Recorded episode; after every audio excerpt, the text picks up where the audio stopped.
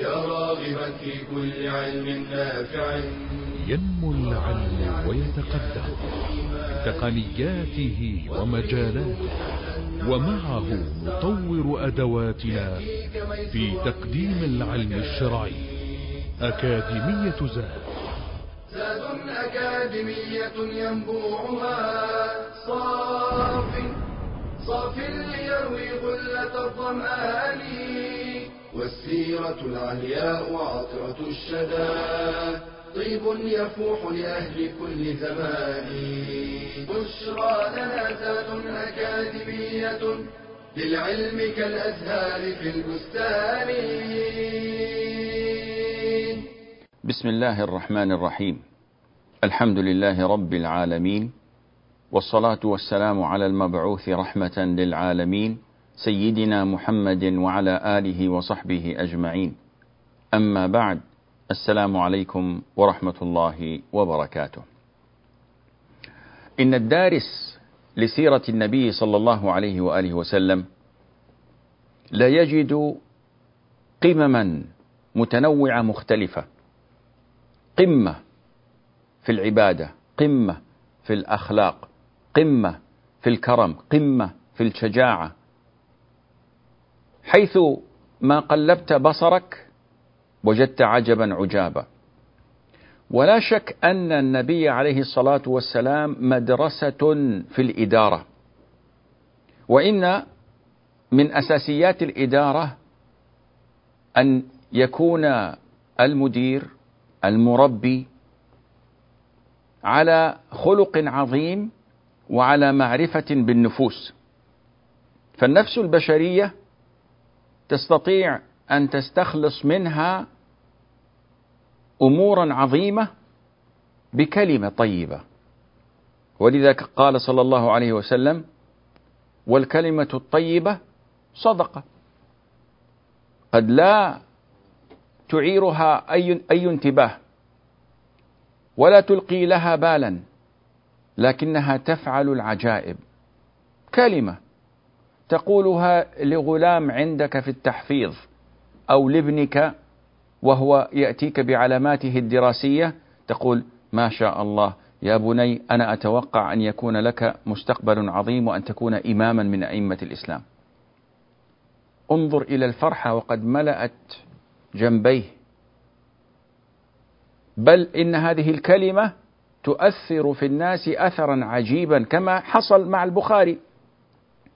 رحمه الله عندما سمع شيخه يحثهم على تصنيف مصنف يجمعون فيه الصحيح من كلام النبي عليه الصلاة والسلام. الأم تمدح وتحفز وتشجع ابنتها فتقول: ما شاء الله جعلك الله عز وجل أمة من إماء الله عز وجل وزينك بالحجاب، زينك بالخلق الحسن، زينك بالعلم النافع.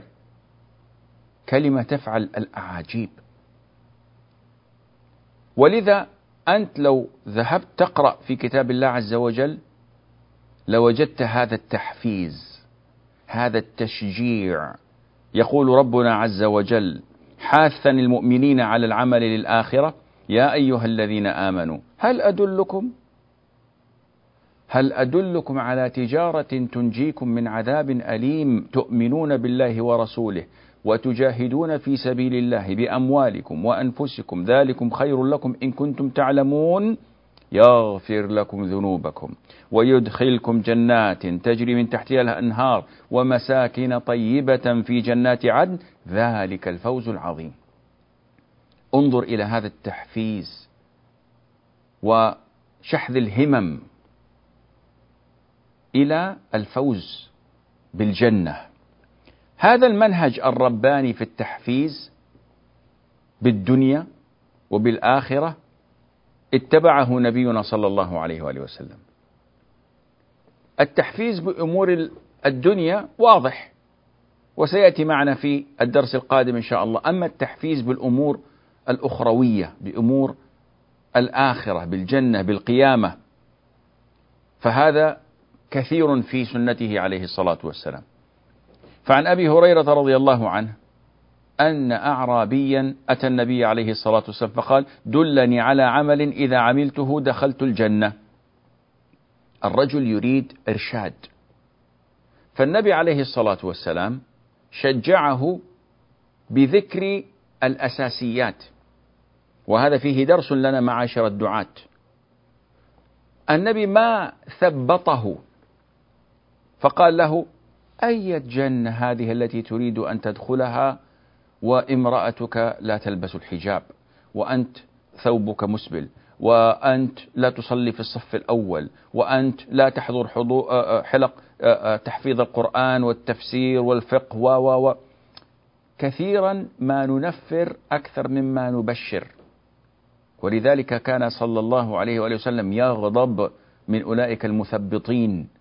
الذين لا يحثون الناس ويشجعونهم بل ينفرونهم. قال إن منكم منفرين. بشروا ولا تنفروا يسروا ولا تعسروا. هذا كلامه عليه الصلاة والسلام. يأتي إلى معاذ بن جبل فيقول أفتان أنت يا معاذ؟ طب ماذا فعل معاذ؟ كل خطيئته أنه أطال في صلاة العشاء وكفى بها خطيئة. من أراد منكم أن يطول فإذا صلى لنفسه فليطول ما شاء وإذا أما الناس فليخفف. تشجيع تحفيز. هذا الأعرابي يريد أن يدخل الجنة. الرسول عليه الصلاة والسلام ما رده عنها إنما حفزه فقال تعبد الله. تعبد الله لا تشرك به شيئا وتقيم الصلاة المكتوبة وتؤتي الزكاة المفروضة وتصوم رمضان. رواه البخاري ومسلم. بس. نعم الرسول عليه الصلاة والسلام يحفزه. إن أتى بهذه الأمور ما بعدها من الأمور أصغر سوف تأتي تباعا. تأتي تباعا ولكن لا داعي لتنفير الناس. لا داعي لصدهم عن سبيل الله عز وجل. فحفز الناس على التمسك بأركان الإسلام من خلال ذكر العاقبة وهي أنها تجعل صاحبها في الجنة. كذلك قوله عليه الصلاة والسلام للناس قولوا لا إله إلا الله تفلحوا. هذا محفز. الآن أنت تريد الفلاح. أغلب الناس يريدون الفلاح في الدنيا. أريد وظيفة وأن أكون المتفوق فيها. أريد المال وأريد جمع الأكثر منه. أريد الزوجات وأريدهن من الأجمل والأحسن أخلاقا والأفضل نسبا وإلى آخره.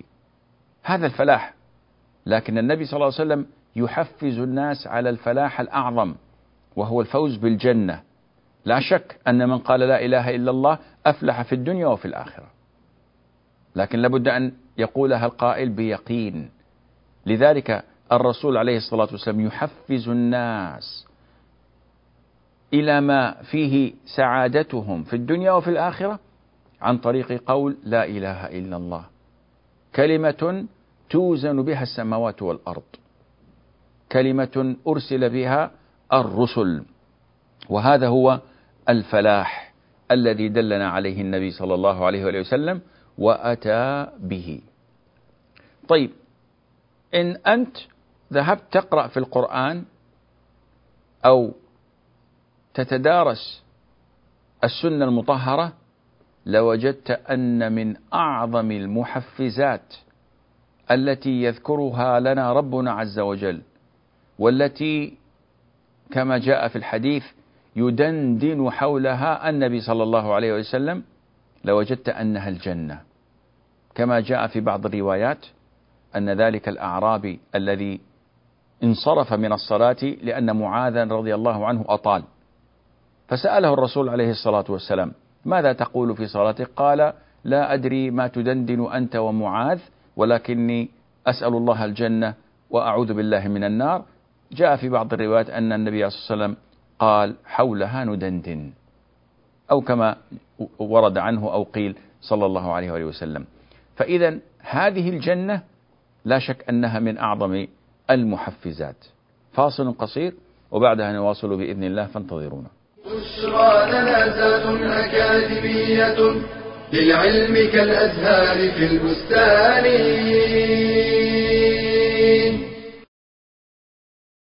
هل تشعر بالقلق حيال تصفح أولادك لشبكة الإنترنت وإبحارهم عبر وسائل الاتصال الحديثة؟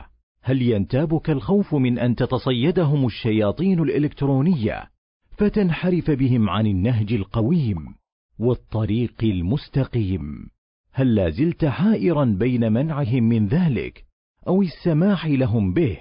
إن كنت كذلك فكن مطمئنا كل ما عليك هو الالتزام ببعض النصائح التربوية والقوانين الإلكترونية التي تجعلك مطمئنا لتصفح أولادك لشبكة الإنترنت لا تمنع أولادك من تصفح الإنترنت ولكن كن واضحا معهم بوضع قوانين في التعامل معه.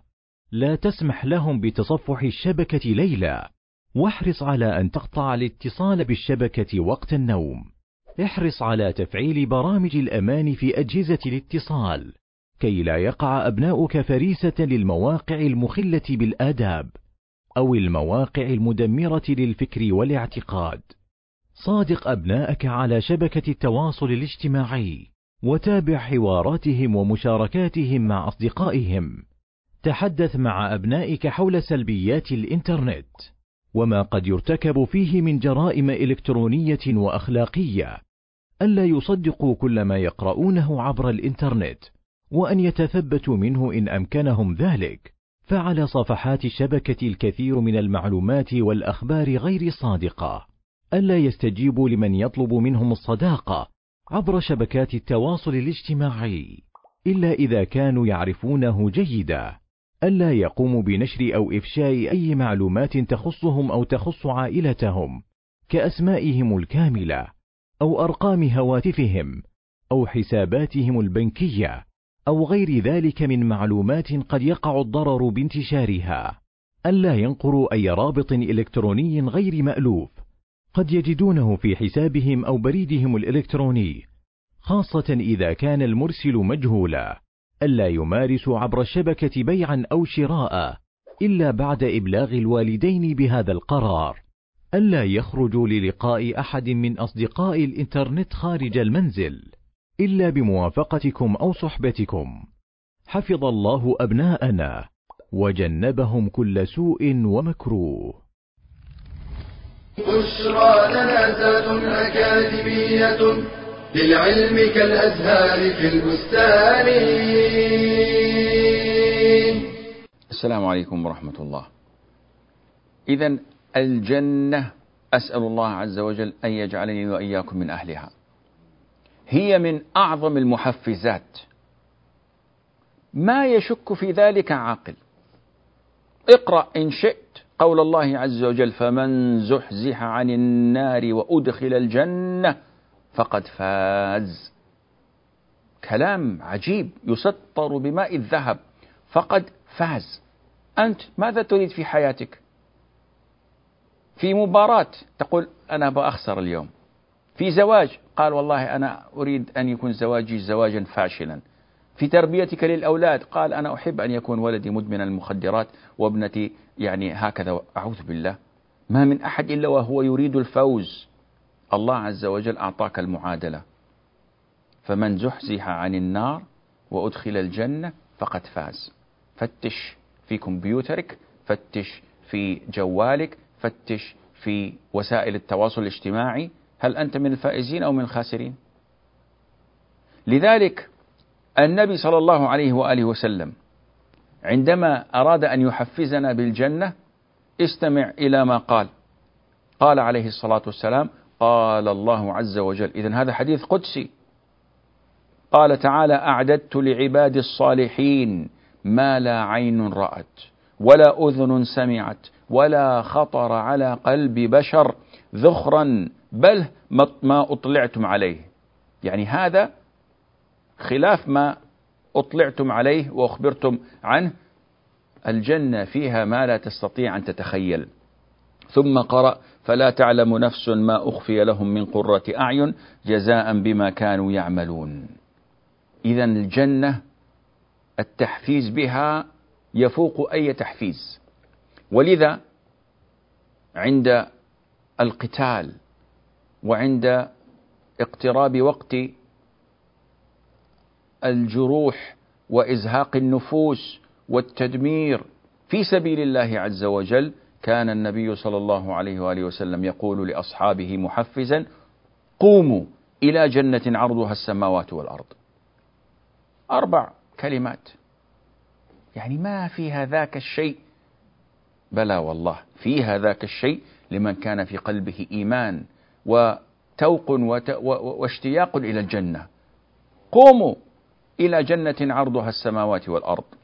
قال عمير بن الحمام رضي الله عنه جنة عرضها السماوات والأرض؟ قال نعم. قال عمير بخ بخ. قال عليه الصلاة والسلام ما يحملك على قول بخ بخ؟ يعني بالعربي يا سلام. فقال لا والله يا رسول الله إلا رجاءة أن أكون من أهلها. قال فإنك من أهلها. انتهى الموضوع. انتهى الموضوع. يرجو والرسول يحفز بأن يخبره بأن مكانك محجوز في الجنة. إنك من أهلها. فأخرج تمرات من قرنه. يعني من كيس كان معه. فجعله فجعل يأكل منهن. ثم قال لئن أنا حييت حتى آكل تمرات هذه إنها لحياة طويلة. فرمى بما كان معه من التمر ثم قاتلهم حتى قتل. تحفيز عجيب. لكن لمن؟ لمن كان يريد الجنة؟ لمن أراد أن يزحزح عن النار؟ لمن رأى يقينا في قلبه أن وعد الله حق؟ تحفيز جعل عمير رضي الله عنه يتوق إلى الجنة ويراها رأي العين. ويرى أنه لو أكمل هذه التمرات فإنها حياة طويلة. من التحفيز بالجنة أيضا حثه أصحابه على التعفف وعلى عدم سؤال الغير. أبو ذر رضي الله عنه يقول بايعني رسول الله صلى الله عليه وآله وسلم فقال هل لك إلى بيعة ولك الجنة؟ شوف التحفيز. من يقول لا؟ بيعة وتأخذ الجنة بالمقابل. قطعا سيبادر إليها أي عاقل. قال أبو ذر نعم وبسطت يدي أي للمبايعة. فقال عليه الصلاة والسلام وهو يشترط علي ألا تسأل الناس شيئا. قلت نعم هذه بسيطة ما أسأل الناس أي شيء. بس بايعني وأنا لي الجنة. قال عليه الصلاة والسلام ولا صوتك إن سقط منك حتى تنزل إليه فتأخذها. يعني وأنا راكب على على الناقة أو على البعير وسقط مني الصوت إياك أن تقول لأحد المارة لو تكرمت ناولني هذا. إنما تنزل وتأخذه بدون أن تسأل أحدا. سبحان الله. يحفزه بالجنة مقابل التعفف عن سؤال الناس. ونحن نسأل الناس ليل نهار. مسائل قد تجعل الإنسان منا يأتي يوم القيامة وليس في وجهه مزعة لحم. كما قال عليه الصلاة والسلام لا, لا, لا تزال المسألة في وجه أحدكم حتى يأتي يوم القيامة وليس في وجهه مزع ما فيها لحم. من كثرة ما هو يسأل الناس أعطني مالا أعطني وظيفة أعطني سيارة أعرني كذا. هذا لا يصلح. كذلك تحفيز الرسول عليه الصلاة والسلام بأمور الثواب والجنة. فعن أبي رضي الله عنه أن النبي صلى الله عليه وآله وسلم قال من تبع جنازة حتى يصلى عليها ويفرغ منها أي تدفن فله قيراطان.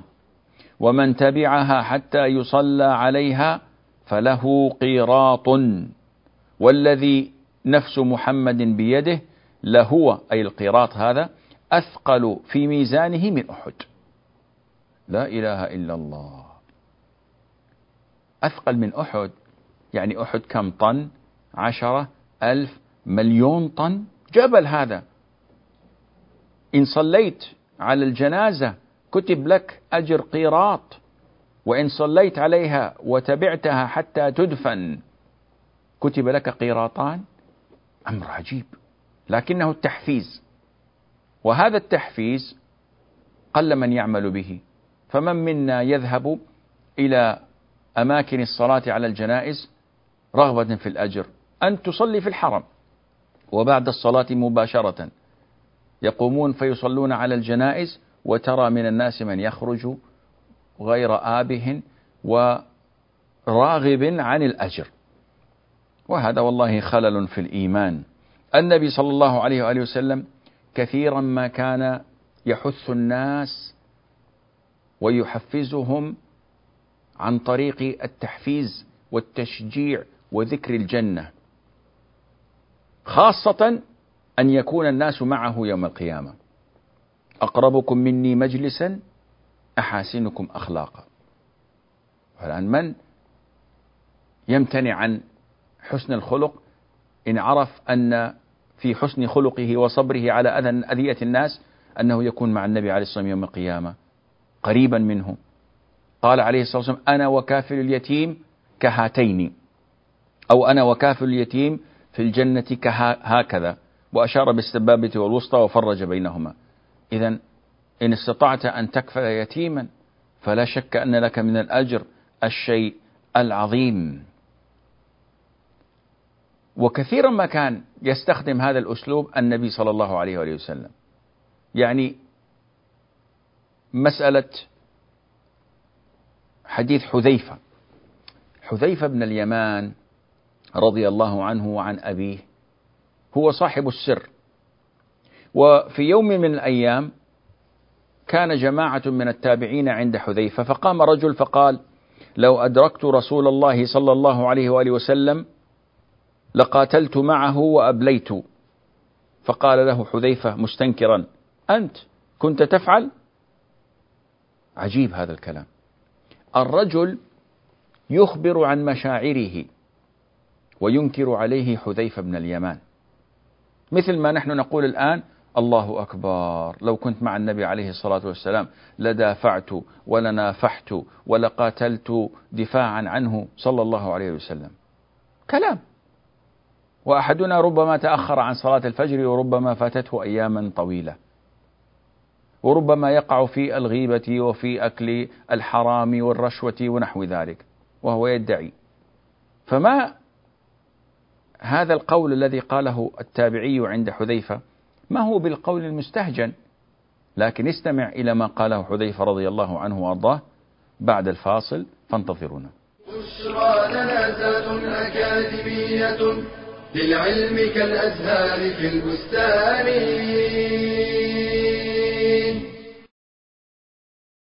به تنكشف الكربات وتستنزل البركات وتستجلب الرحمات. إنه الدعاء مخ العبادة وباب الخير والسعادة. وللدعاء آداب منها توحيد الله تعالى والإخلاص له في الدعاء. إطابة المأكل والملبس استقبال القبلة ورفع اليدين. حضور القلب مع اليقين في الإجابة. الثناء على الله تعالى قبل الدعاء بما هو أهله. الصلاة على النبي صلى الله عليه وسلم. التوسل إلى الله بأسمائه الحسنى وصفاته العلى. الإكثار من المسألة والإلحاح فيها. إخفاء الدعاء وعدم الجهر به. الجزم في الدعاء وقوة اليقين. عدم استعجال الإجابة. ومن الأمور المعينة على إجابة الدعاء تحري الأوقات والأماكن الفاضلة والأحوال المناسبة. فمن الأوقات الفاضلة وقت السحر الثلث الأخير من الليل آخر ساعة من يوم الجمعة وقت نزول المطر عند سماع الأذان وبين الأذان والإقامة ومن الأماكن الفاضلة المساجد عموما. والمسجد الحرام خصوصا. ومن الأحوال التي يستجاب فيها الدعاء دعوة المظلوم دعوة المسافر دعوة الصائم دعوة المضطر دعوة الوالد لولده ودعوة المسلم لأخيه بظهر الغيب. قال رسول الله صلى الله عليه وسلم الدعاء هو العبادة. ثم قرأ وقال ربكم ادعوني أستجب لكم. إن الذين يستكبرون عن عبادتي سيدخلون جهنم داخرين. بشرى لنا أكاديمية للعلم كالأزهار في البستان. السلام عليكم ورحمة الله وبركاته. غزوة الأحزاب معروفة. غزوة الخندق أو الأحزاب. عندما حاصر مشركو قريش وغطفان واليهود النبي عليه الصلاة والسلام وأصحابه في المدينة طال الحصار وكانت أيام برد وظلمة وريح. فقام ذات يوم النبي عليه الصلاة والسلام في أصحابه وقال ألا رجل يأتيني بخبر القوم جعله الله معي يوم الجنة معي يوم القيامة؟ يعني تحفيز ما بعده تحفيز. في القوم من؟ أبو بكر عمر عثمان علي جميع الصحابة. على فرض أنهم كانوا موجودين. فالرسول يقول ألا رجل يأتيني بخبر القوم جعله الله معي يوم القيامة؟ ما قام أحد. لاحظ برد وريح وظلمة وخوف. بلغت القلوب الحناجر. فأعادها مرة ثانية. ألا رجل يأتيني بخبر القوم جعله الله معي يوم القيامة؟ ما قام أحد. أعادها ثالثة؟ ما قام أحد. آنذاك كان لابد من التعيين فقال يا حذيفة قم فأتنا بخبر القوم. فذهب حذيفة رضي الله عنه وأرضاه فهو يرد على التابعي يقول له كيف تتمنى أنك كنت مع النبي عليه الصلاة والسلام وأنت لا تدري ما كنت لتفعل آنذاك؟ نفس الموضوع هذا حصل مع المقداد بن الأسود رضي الله عنه وأرضاه. مر به رجل من التابعين فقال طوبى يتحدث مع المقداد مع الصحابي يقول له طوبى لهاتين العينين اللتين رأتا رسول الله صلى الله عليه وآله وسلم. والله لوددنا أن رأينا ما رأيت وشهدنا ما شهدت. فاستغضب. زعل. غضب. فجعلت أي جبير بن نفير يقول فجعلته أعجب. ما قال إلا خيرا. ثم أقبل عليه. يعني غضب وبعدين ذهب يتحدث مع هذا التابعي. منكرا عليه يقول ما يحمل الرجل على أن يتمنى محضرا غيبه الله عنه لا يدري لو شهده كيف يكون فيه.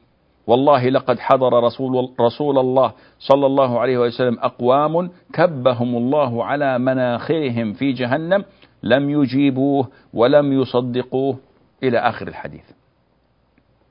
إذا إنكار الصحابة رضوان الله عليهم لأن الإنسان لا يدري هل يكون مع المنافقين أم مع المؤمنين لو كان على عهد النبي عليه الصلاة والسلام.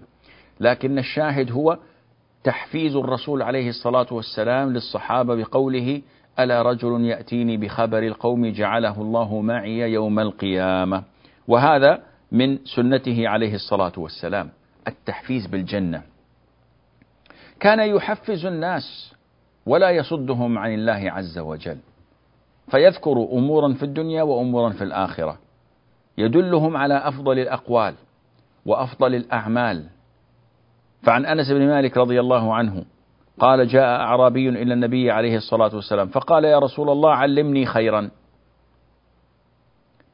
النبي ما قال له عليه الصلاة والسلام كما نفعل نحن الخير كثير والخير عظيم وأوله كالقطر وآخره كالمحيط ما أستطيع أن أدلك على كذا وك. بعض الإخوان يعني محترفين في الصد وفي التنفير رجل يأتي يطلب الخير أعطه الخير. ما استطعت ولو دعاء ولو آية ولو حديث. قال عليه الصلاة والسلام أعرابي يريد الخير. أخذ النبي عليه الصلاة والسلام بيده.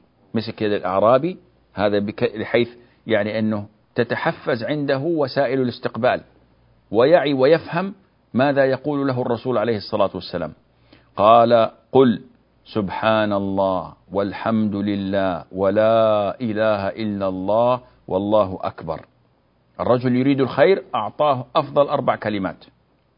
فعقد الأعرابي على يده ثم مضى وتفكر ثم رجع. يعني واحد اثنين ثلاثة أربعة عقدها على يده تفكر فيها ومشى. ثم كذا ما ناسبت معه. فرجع. فتبسم عليه الصلاة والسلام قال تفكر البائس. قال مسكين هذا تفكر في الطريق ورجع. تبسم عليه الصلاة والسلام. فجاء فقال يا رسول الله سبحان الله والحمد لله ولا إله إلا الله والله أكبر. هذا لله. فما لي؟ قال هذا عبادة هذا تسبيح. نعم عظمت الله وشكرته ووحدته شيء جميل. طب أنا أنا أبغى شيء فلوس أبغى شيء في الدنيا ماذا لي؟ فقال عليه الصلاة والسلام يا أعرابي إذا قلت سبحان الله قال الله صدقت. وإذا قلت الحمد لله قال الله صدقت. وإذا قلت لا إله إلا الله قال الله صدقت. وإذا قلت الله أكبر قال الله صدقت.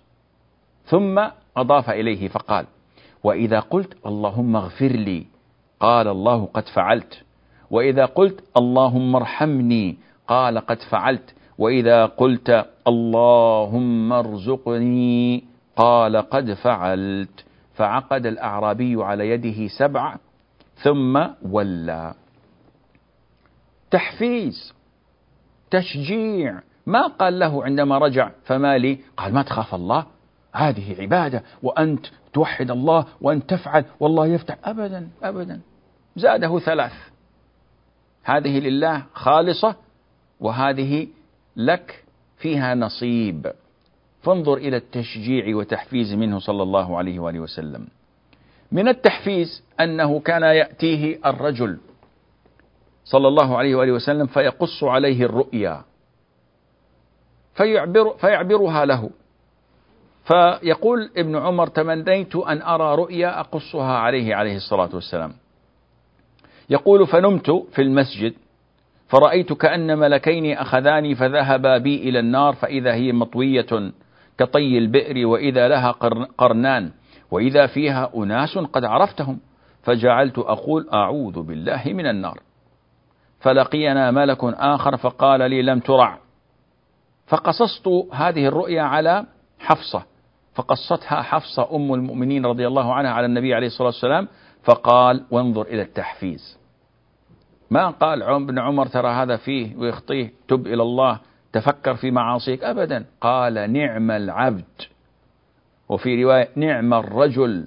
عبد الله لو كان يصلي من الليل. فرصة. الرؤيا طيبة. أنت لست من أهلها. لا تخف. طيب ماذا نفعل؟ قال عليه الصلاة والسلام وهو عالم بحاله. كل أمورك طيبة يا, يا عبد الله بن عمر. لكن عندك مشكلة أنك قيامك لليل ما هو بزين. قال نعم الرجل عبد الله لو كان يقوم من الليل فكان بعد لا ينام من الليل إلا قليلا.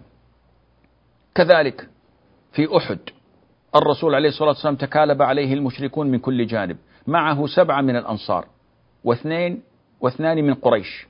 فقال عليه الصلاة والسلام من يردهم عنا وله الجنة أو هو رفيقي في الجنة؟ فقام الأنصار واحدا تلو الآخر. كلما يقاتل منهم رجل في فيموت ويستشهد يقول عليه الصلاة والسلام من يردهم عنا وله الجنة أو هو رفيقي في الجنة. فيقوم الثاني والثالث والثالث سبعة استشهدوا أمام النبي عليه الصلاة والسلام. فقال عليه الصلاة والسلام للقرشيين صاحبيه ما أنصفنا أصحابنا. أحد هذين آه، القرشيين هو طلحة بن عبيد الله. ماذا فعل؟ قام رضي الله عنه فقاتل قتال السبعة وذب عن النبي عليه الصلاة والسلام ووقاه بجسده وبيده حتى ضربت يده وقطعت أصابعه وشلت يده دفاعا عن النبي عليه الصلاة والسلام لدرجة أن أبا بكر إذا ذكر يوم أحد قال ذلك اليوم كله لطلحة. يعني ما أحد أبلى بلاء حسنا مثل ما أبلى طلحة رضي الله عنه وأرضاه. ولذلك قال صلى الله عليه وآله وسلم من أحب أن ينظر إلى شهيد يمشي على وجه الأرض فلينظر إلى طلحة بن عبيد الله. لا إله إلا الله. تحفيز؟ ما بعده تحفيز. فكيف لو عرفنا أن طلحة هذا أحد العشر المبشرين بالجنة؟ لذلك كلام الرسول عليه الصلاة والسلام كلام أنبياء. أوتي جوامع الكلم وما ينطق عن الهوى.